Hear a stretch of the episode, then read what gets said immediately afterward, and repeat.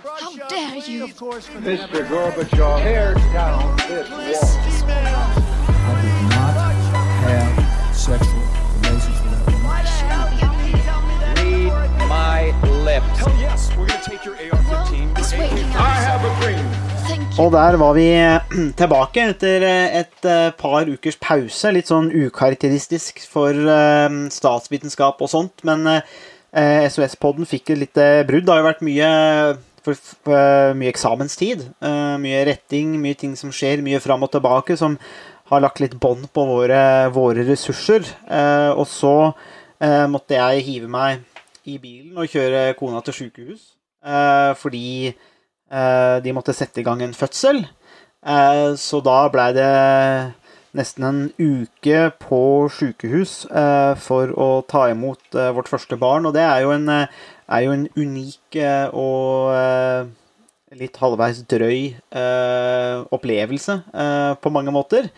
Eh, Litt vanskelig å skulle forberede seg på sånt, men det er jo det er et vell av følelser som, som kommer da, sjølsagt. Og en av de følelsene og opplevelsene mine, det var jo da bak, eller er bakgrunnen da, for hvorfor jeg tenkte vi kunne ta eh, en ny podkast om vår, eh, vårt hjertebarn, Harald. Eh, NPM.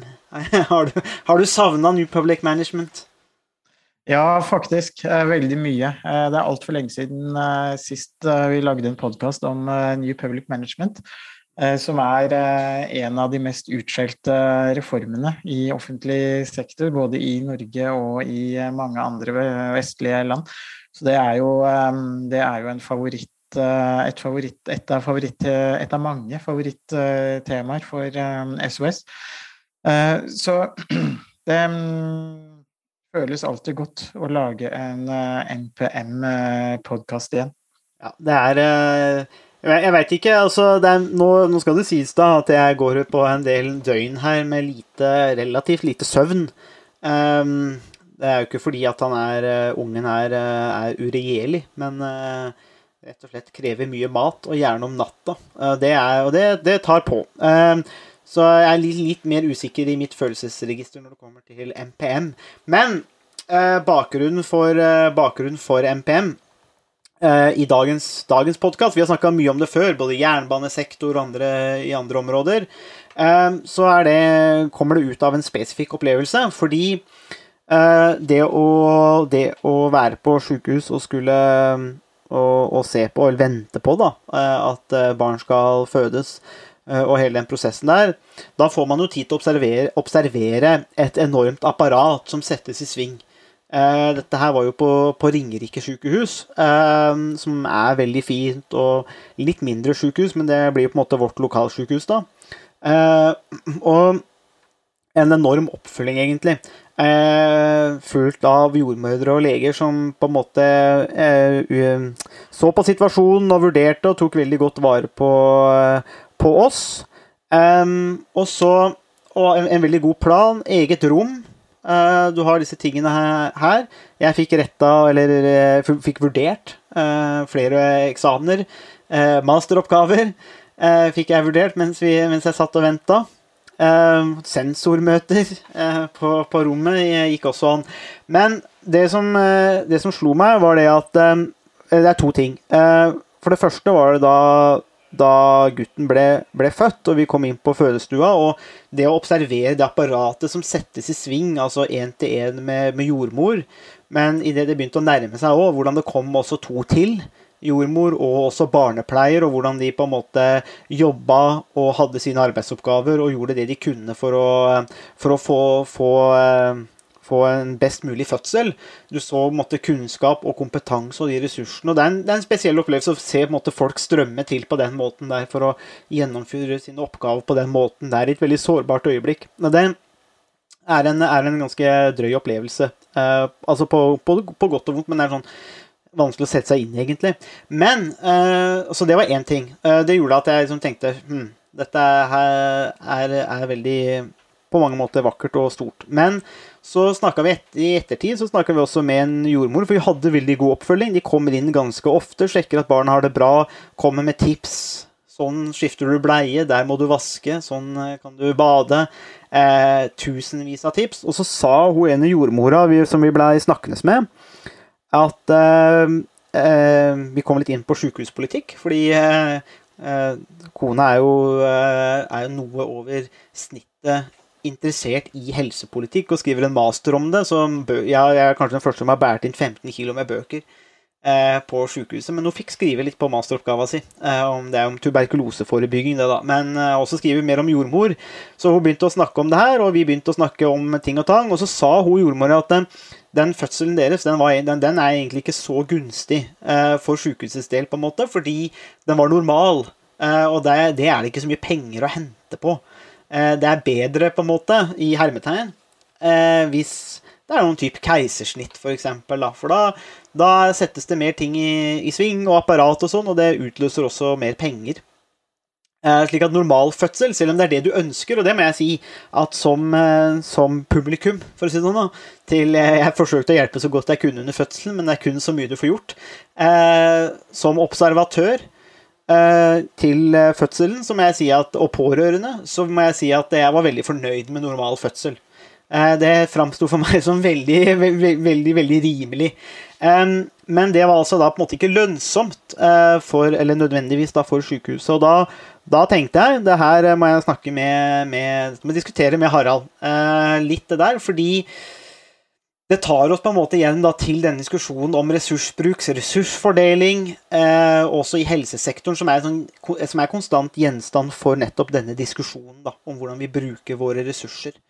Eh, og dette er jo også og når vi snakker om helsepolitikk, så får vi jo sånne begreper som stykkprisfinansiering, det er styrt etter en sånn aksjeforetaksmodell. Eh, det er eh, hvor vi får en del av disse disse eh, diskusjonene og begrepene som har kommet med NPM. Så før vi bare snakker spesifikt om helsepolitikk, eh, bare ta oss eh, kort gjennom noen av høydepunktene fra NPM, Harald. Hvordan, er det vi, er det vi sammenfatter, eller hvordan vi kan snakke om NPM på en måte som gir mening? Ja, Forkortelsen NPM står for New Public Management, som er et sett med ideer om hvordan man kan forbedre offentlig sektor, eh, gjøre offentlig sektor mer effektiv, bedre ressursbruk, reduserte kostnader, eh, bedre tjenester til eh, brukerne og til, eh, til befolkningen. Eh, Og det var et, et sett med ideer som eh, ble utvikla som et, eh, en respons eh, på den eh, økonomiske eh, vanskelige perioden eh, mange vestlige land gikk igjennom på 1970-tallet.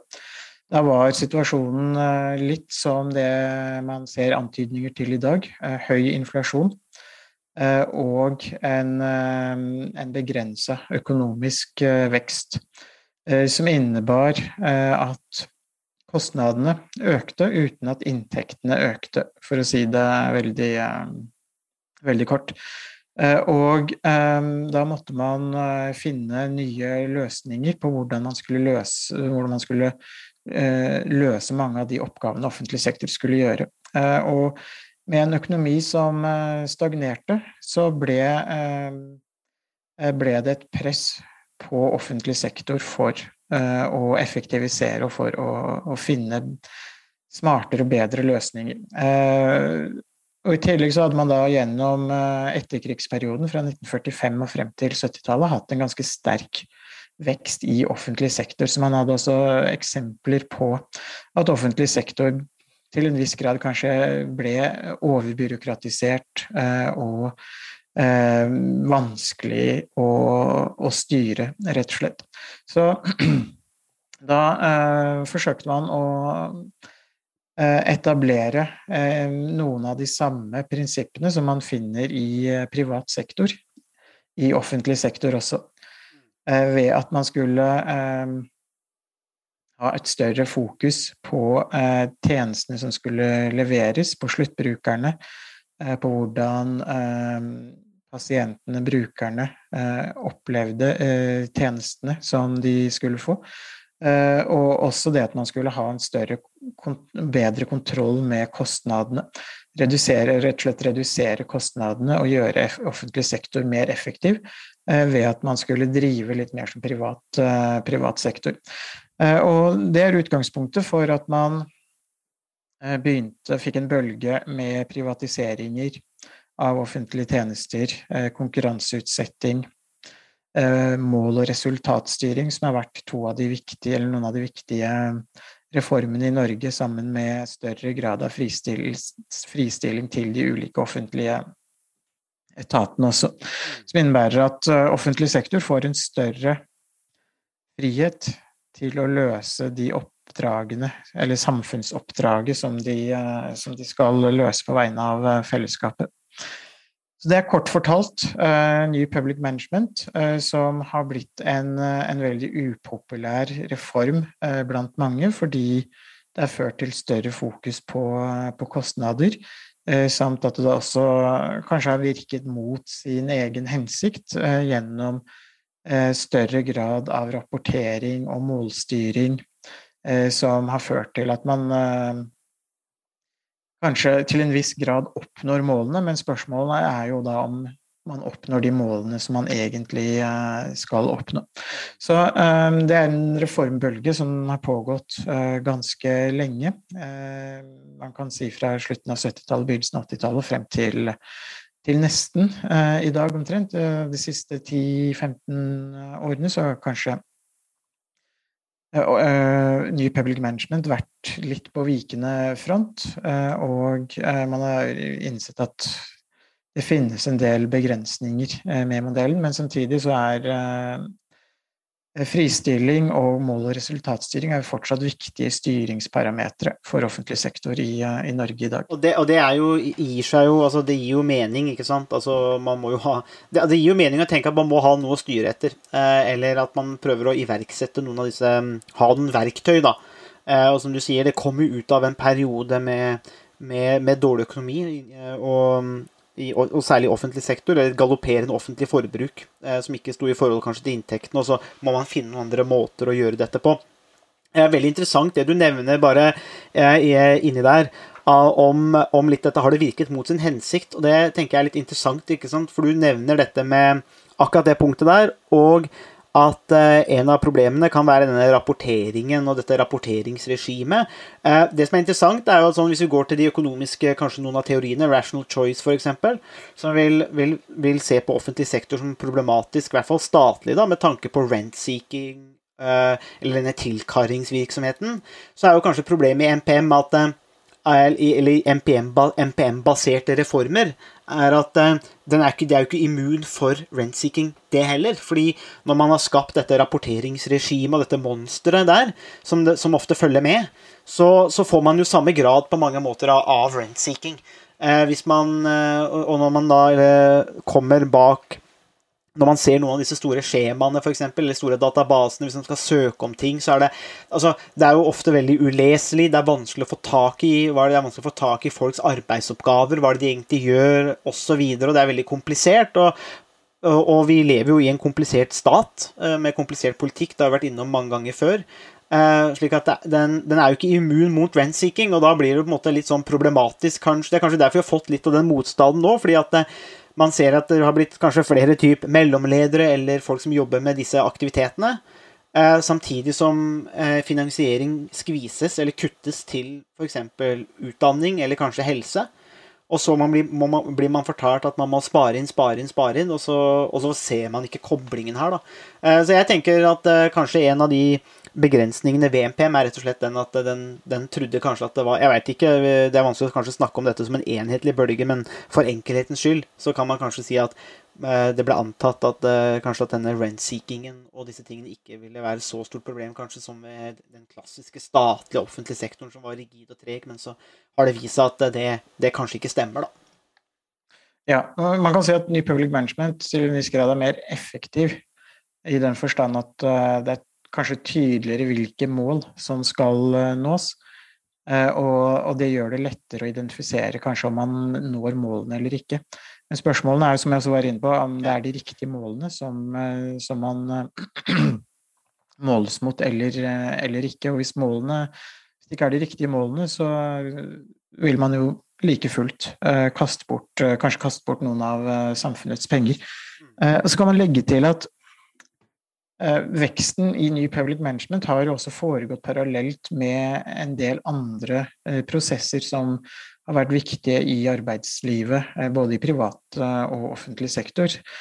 som f.eks. at de fleste virksomheter ofte har et kvalitetssystem Eh, som skal sikre rutiner og oppfølging og kontroll med mm, hvordan virksomheten eh, styres.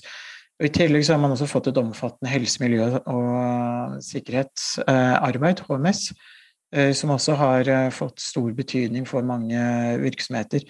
Og summen av New Public Management med mål- resultatstyring, effektivisering, Eh, måling av mange av prosessene en, eh, på en arbeidsplass sammen med kvalitetssystemer og HMS-arbeid, har kanskje skapt et eh, nytt byråkrati, et tilleggsbyråkrati som man ikke hadde tidligere. Og til en viss grad så er jo, har jo det også vært nødvendig, og det er jo noe man finner også i private virksomheter.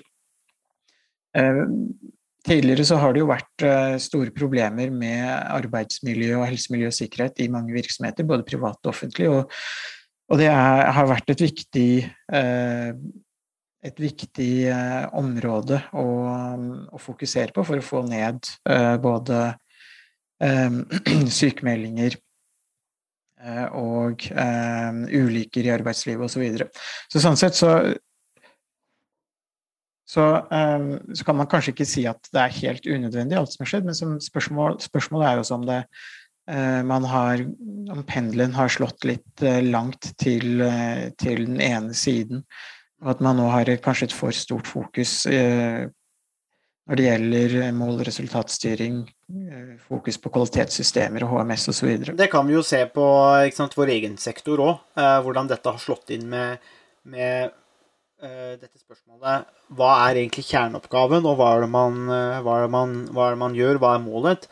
Uh, og i høyere utdanning så, jo, så, styres vi jo nå mye mer av f.eks. Um, studieantall. Hvor mange studenter har man? Har man nok studenter til å være økonomisk bærekraftig, for å si det på den måten. så går man i, går man i pluss på den måten. slik at et, et, et viktig mål for ethvert program Eh, et bachelorprogram eller studie er jo har man nok studenter til å gå rundt eh, med tanke på, på, på offentlig finansiering, eh, og man overlever der. Eller, og, og, ikke minst for, for, vår egen del, Harald, at typ forskning da, skal også klassifiseres med publikasjonspoeng. Publiserer man på nivå 2, nivå 1, så, så har man et visst eh, mengde publikasjonspoeng, eh, som da også er viktig for ja, eh, både penger til kanskje instituttet, men også forskningstid til seg sjøl og, og, disse tingene her. Men, men, men, det er noe interessant der. Ikke sant? Forsker Det er litt forskjell på om du, Harald, forsker ikke sant? Uh, din, din, ditt, ditt, mål, misjon, er å, å studere demokrati og, og, hvordan dette fungerer f.eks. i Norge. eller er det å studere demokrati for å få publikasjonspoeng? Eh, slik at du har på en måte din egen individuelle framgang. Det, det er jo to forskjellige mål, ikke sant? Altså, hva, hvordan, eh, hvordan, ser man på disse tingene der? Og i, i høyere utdannelse tenker jeg jo at der, det skal man også være forsiktig med den retningen der, ikke sant? Eh, fordi at eh, tradisjonelt så har man ofte snakket om at universiteter f.eks. skal eh, utdanne kritisk, tenk, altså kritisk tenkende eh, studenter, mennesker. Altså det at man får et sett med verktøy og osv. til å tenke akademisk eller eh, på ulike måter. Eh, men eh, hva skjer hvis vi og universitetene og høyskolene styres mye mer av det å oppnå en viss produksjon, da. Målet er produksjon, målet er ikke å utdanne eller danne, da. Det tenker jeg er et liten sånn ja, litt tricky akkurat det der, da. Ja, jeg kan jo prøve å være litt vanskelig, som jeg ofte er.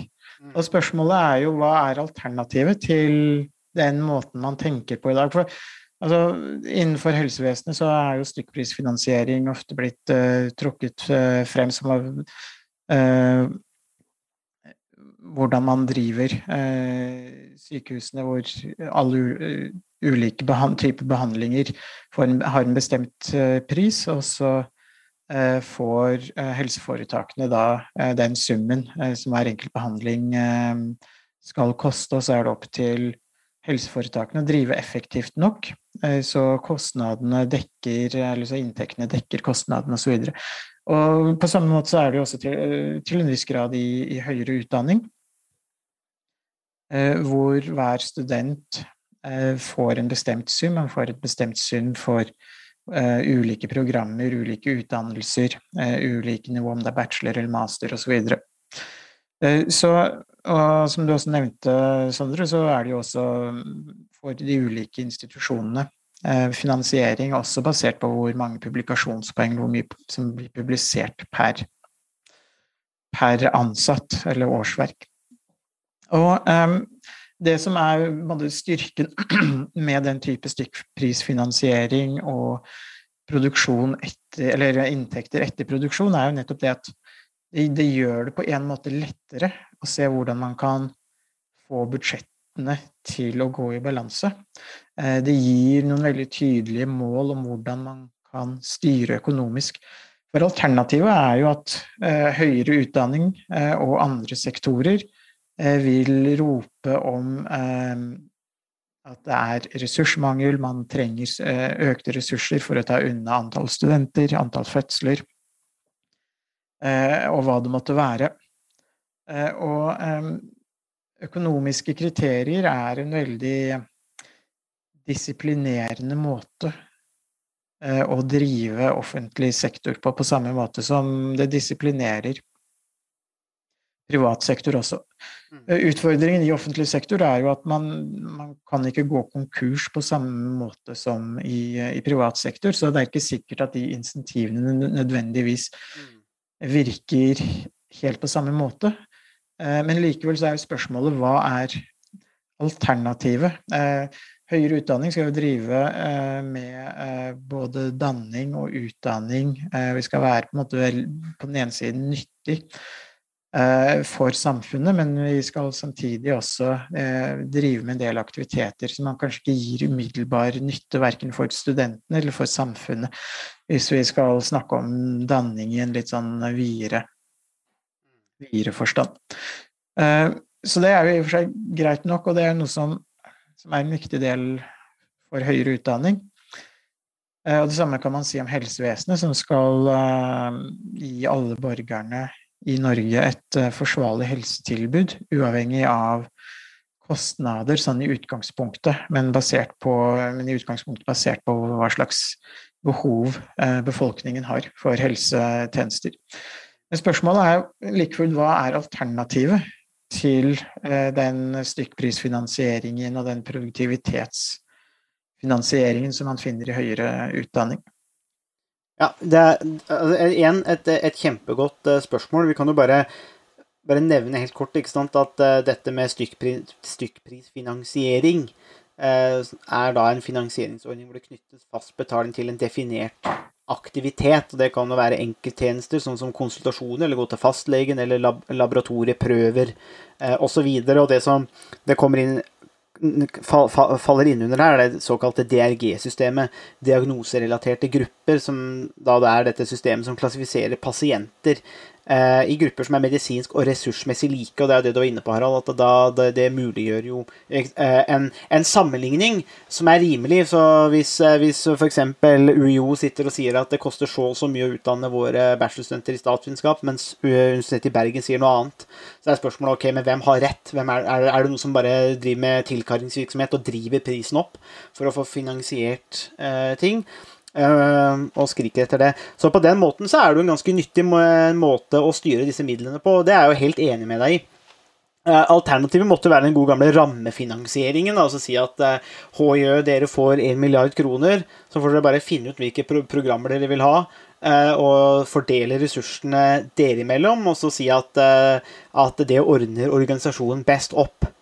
Eh, for seg sjøl og, og, og, og si det på den måten der. Jeg er usikker på om Men så er spørsmålet ok, hva gjør man da på tvers av høyskoler og da på, på, med universiteter, ikke sant? Eh, fungerer dette? Men man kan jo kanskje se for seg at rammefinansiering er en At det likevel er en slags måte å gjøre det på, da. Og så må bare hver institusjon være svært disiplinert i hvordan de gjør det.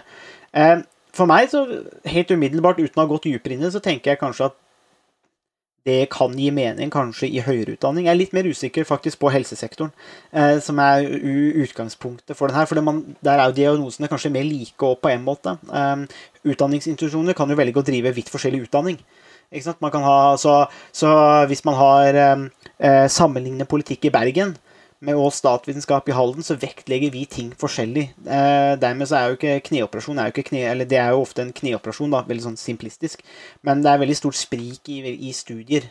Eh, så Men det kan hende at rammefinansiering er en slags måte å gjøre det på. Men eh, jeg er helt enig med deg, for det er, det er- et veldig godt poeng.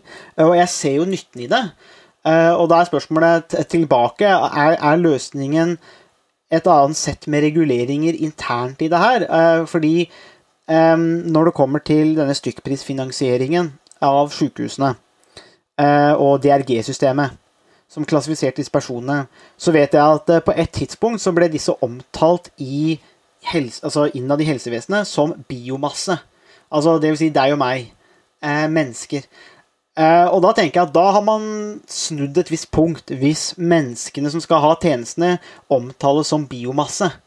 Eh, ja, altså, jeg, jeg ser jo hva det blir ment. Altså, jeg ser jo hva det menes med det, og det gir jo for så vidt mening. Men på en annen måte så tenker jeg at ok, da har jo der, denne logikken med denne, dette stykkprissystemet, eller NPM-systemet, kanskje gått litt for langt. Altså det at alle blir brukere biomasse. Man ser ikke disse menneskene lenger. Um, og det tenker jeg, Da er vi til litt tilbake til det med kjerneoppgaven. Uh, og måte, Hva er det man egentlig skal levere? Hva hva, hva er det man er for? Eh, i samfunnet. Og der tenker jeg kanskje at det er kanskje der det har gått for langt. Altså i dette med Eller der er det en fare i NPM. At man kanskje, kanskje blir sånn derre effektiviseringsbonanza, eller man ser seg blind på dette. Hvordan er det vi kan Vi har brukerne, vi allokerer ressurser, og så blir det en slags fetisjisme. Eh, ordet jeg egentlig leiter etter. Det er egentlig en sånn fetisjisering av ressursbruken istedenfor å, å se litt videre, da. Eh, så jeg tenker, er, er løsningen da f.eks. andre styringsmekanismer for å på en måte fange opp noe av denne rent-seekingen, eller fange opp den derre Altså være tydeligere i, i noen av disse målene? Tror du det, tror du det er løsningen? For jeg tror, jeg, jeg tror nemlig ikke at vi blir kvitt og Jeg sier, sier ikke normativt at vi bør bli kvitt det, men jeg tror ikke dette systemet blir fasa ut med det første. Det, det, som, eh, det systemet som man eh, i stor grad har, eh, både i, i høyere utdanning og i helsevesenet, jo, bygger jo på mange måter på et instrumentelt menneskesyn. Som innebærer at vi som borgere er egentlig bare instrumenter for å for å få samfunnet til å fungere så, så godt som mulig. Og i, i, de ulike systemene så er studentene bare instrumenter for å generere eh, penger eh, til eh, institusjonen. og pasientene er til en viss grad bare der for å generere inntekter til sykehusene. nå setter jeg det litt på spissen, og det blir litt karikert. men for å få frem poenget om at det, det er et et instrumentelt menneskesyn som ligger til grunn for en del av disse, disse vurderingene, hvor vi som ansatte og studenter, pasienter, brukere og andre det, det er på en måte Vi har ikke noen sånn verdi, egenverdi i, i dette systemet. Vi er på en måte brikker i et, et stort system. Og nå har vi da Pink Floyd i bakgrunnen her. Ja, 'Another Break in the Wall'. Um, og, um, og det, det, er jo et, et, um, et menneskesyn og et, uh, en måte å organisere samfunnet på som er ganske lett å, å kritisere, uh, fordi det er en del opplagte innsigelser mot, uh, nettopp mot den type menneskesyn og samfunnssyn. og noe av det som for hvis det bare er instrumenter, hva, er verdi, hva slags verdi er det vi har som, eh, som, mennesker og som individer? Og vi liker jo å tenke om oss selv at vi har en verdi eh, at mitt liv, eh, min person, jeg som person og menneske, har en egenverdi. Mm. Eh, vi liker å tenke det om oss selv, og vi liker også å tenke det om eh, mange andre mennesker som vi, eh, som vi er eh, som vi, eh, som vi lever sammen med i, i samfunnet. Så sånn sett så, så, så, det, så krasjer noen av de idealene, eh, noen av de synene på hva det er, vil si å være et menneske, krasjer jo litt med denne modellen. Eh, og, og, eller, og, når jeg snakker om denne modellen, så er det jo da NPM-modellen.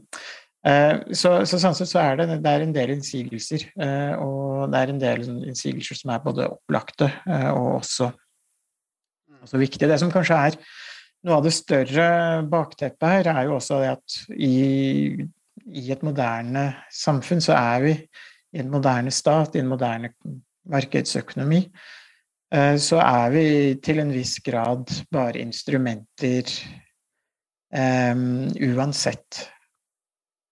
Og vi er litt eh, Hvis man skal trekke det litt lenger, så kan vi si at vi er som bier i en bikube eller maur i en maurtue. Vi er en del av et stort kollektiv som, hvor vi som enkeltindivider betyr relativt, relativt lite.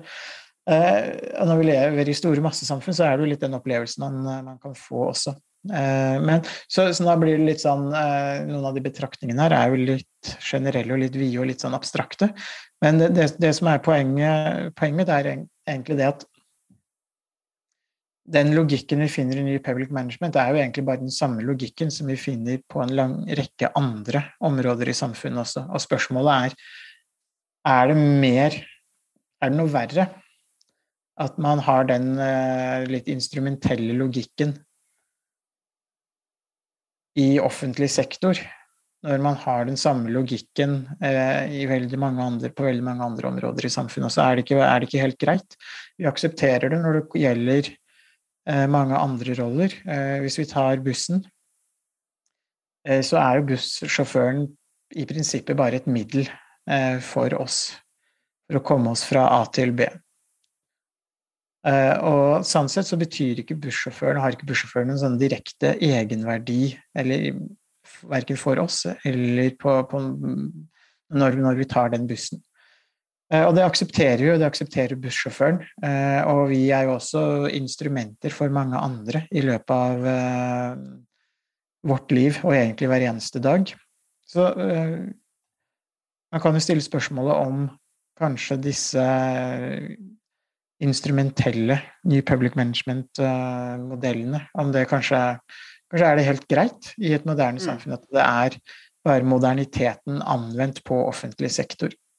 Jeg tenker det er, eh, det er et veldig godt, eh, godt poeng. Jeg tror, jeg tror, det som, som kanskje var litt av den følelsen jeg satt igjen med etter den opplevelsen på sjukehuset nå, som var veldig bra. Og det er klart man kan jo se på jordmødrene og barnepleierne og, og legene her som instrumenter. Eh?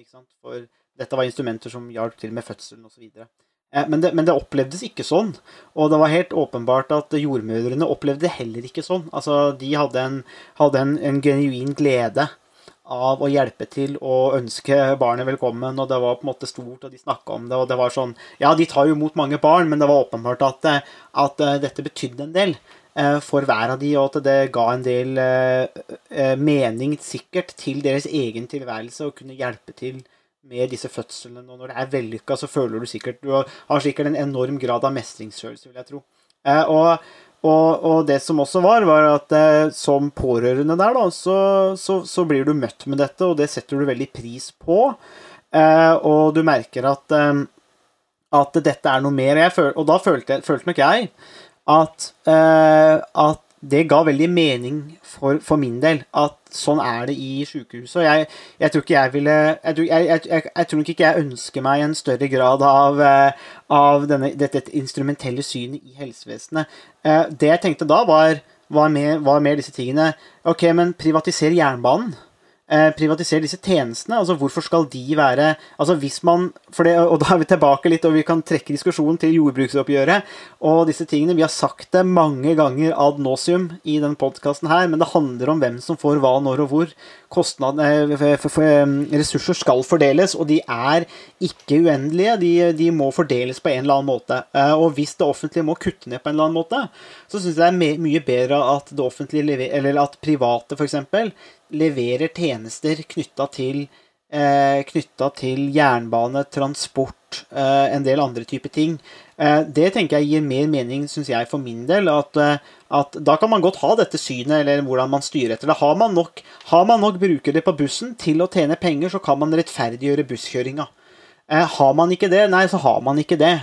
Og, i, og, det og, det kan være dumt no, i en del tilfeller, men, men, men igjen på et tidspunkt så må man, eh, må man eh, allokere ressurser, og man må prioritere. Og da er spørsmålet hva er det man prioriterer. Og jeg, For min egen del så tenker jeg at det jeg satt igjen med, var det at eh, min egen subjektive vurdering. Jeg skal ikke dytte den på noen, men det var mer det at eh, jeg satte veldig pris på at det ikke var dette rent instrumentelle synet på sykehuset. At det var sånn du kan bli så lenge du vil og er komfortabel med før du kan reise hjem. Og det var denne tryggheten, og det hjalp veldig mye for oss. da. Eh, så det var kanskje mitt, mitt det jeg satt igjen med der. Men jeg, jeg ser jo poenget ditt der, Harald. Det, det er bare at jeg tror for min egen del, for å si dette helt til slutt, at eh, jeg satt nok igjen med at hvis ressurser må spares, eh, så tenker jeg at da, kan, da, trenger ikke staten gjøre alt mulig annet som staten gjør. Altså, det er ikke behov for staten å leike privat jernbaneaktør. Da får de enten si at da skal vi kjøre jernbane, for det er forbanna viktig for norske staten. Eller så får du la andre gjøre det. Eh, ikke, ikke, leike sånn kvasi-privat eh, offentlig institusjon, da. For det koster ganske mye penger, det òg. Ja, um, jeg syns det var et veldig godt poeng det du, uh, det du begynte med om uh, uh, din opplevelse av jordmødrene og helsepersonellet på sykehuset.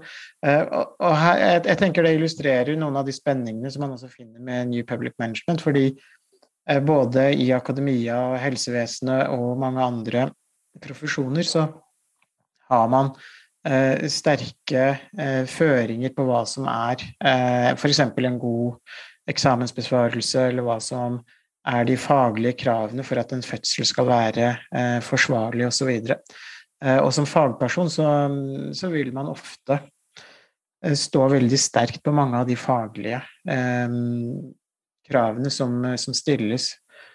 hva som er på en måte den beste praksisen eller den beste måten å, å organisere Eh, fødsel eller en operasjon eller andre ting på.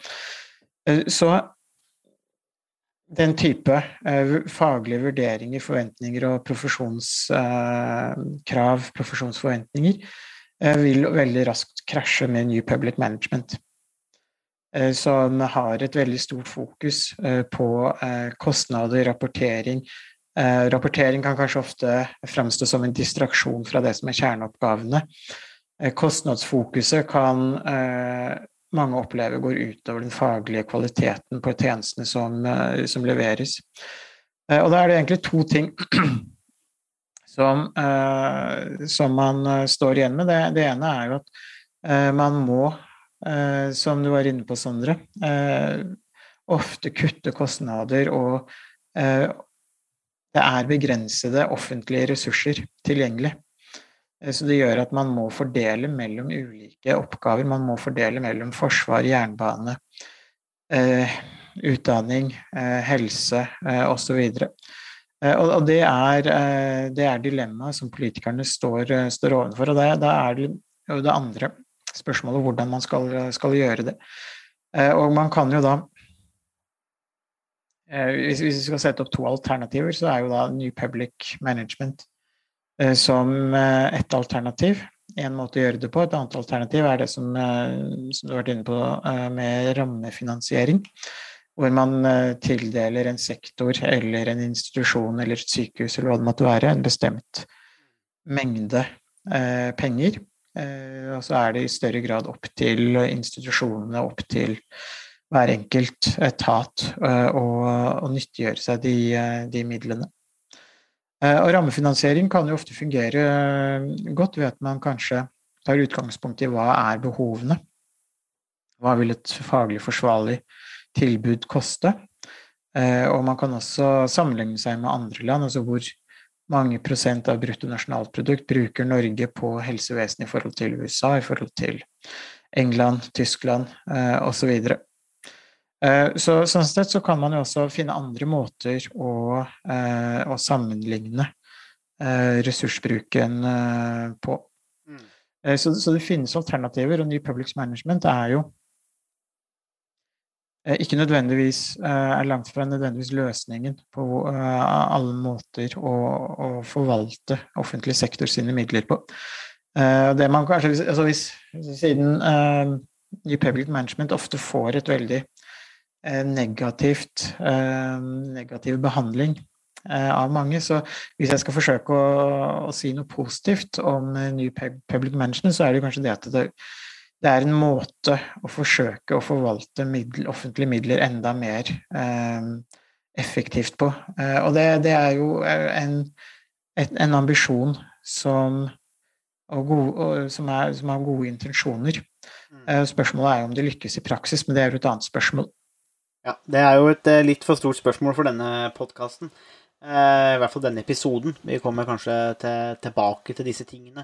Det er jo eh, ja, nei, jeg, tenker det er, det er, det er gode poenger som du, som du, tar opp der, Harald. Vi får, vi får forfølge de i en, i en annen episode òg, men det jeg tenker kanskje er, er en slags konklusjon, i hvert fall, fra denne episoden, det er jo nettopp dette en illustrasjon av denne konstante, kontinuerlige kampen om ressurser. Hvordan fordeler vi det, og hvordan bruker vi de ressursene vi har, på best mulig måte? Fordi at eh, det er, litt leit å tenke på for mange, men vi har ikke uendelig med ressurser. Altså, vi kan ikke kaste ressurser på, på alle problemene våre. Eh, og det hadde kanskje sikkert skapt enda flere problemer, som også kosta mye penger.